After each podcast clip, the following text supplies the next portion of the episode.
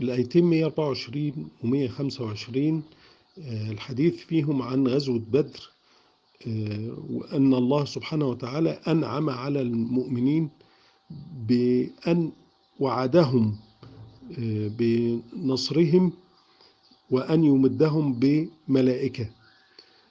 في الآية 125 إن تصبروا وتتقوا ويأتيكم الكفار من آه، آه، متحمسين إن هم هيهزموكم لأن أنتم أقل منهم.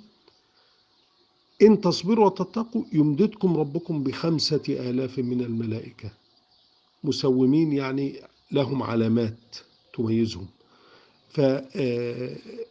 فالإمداد ربنا سبحانه وتعالى للمؤمنين بالملائكة مرهون بإيه؟ بالصبر والتقوى وأن نأخذ بالأسباب. وهذا شيء عام في هذه المسألة وليس في الحرب فقط والتأييد ربنا سبحانه وتعالى بيكون بعد أن نستنفذ ونأخذ بالأسباب.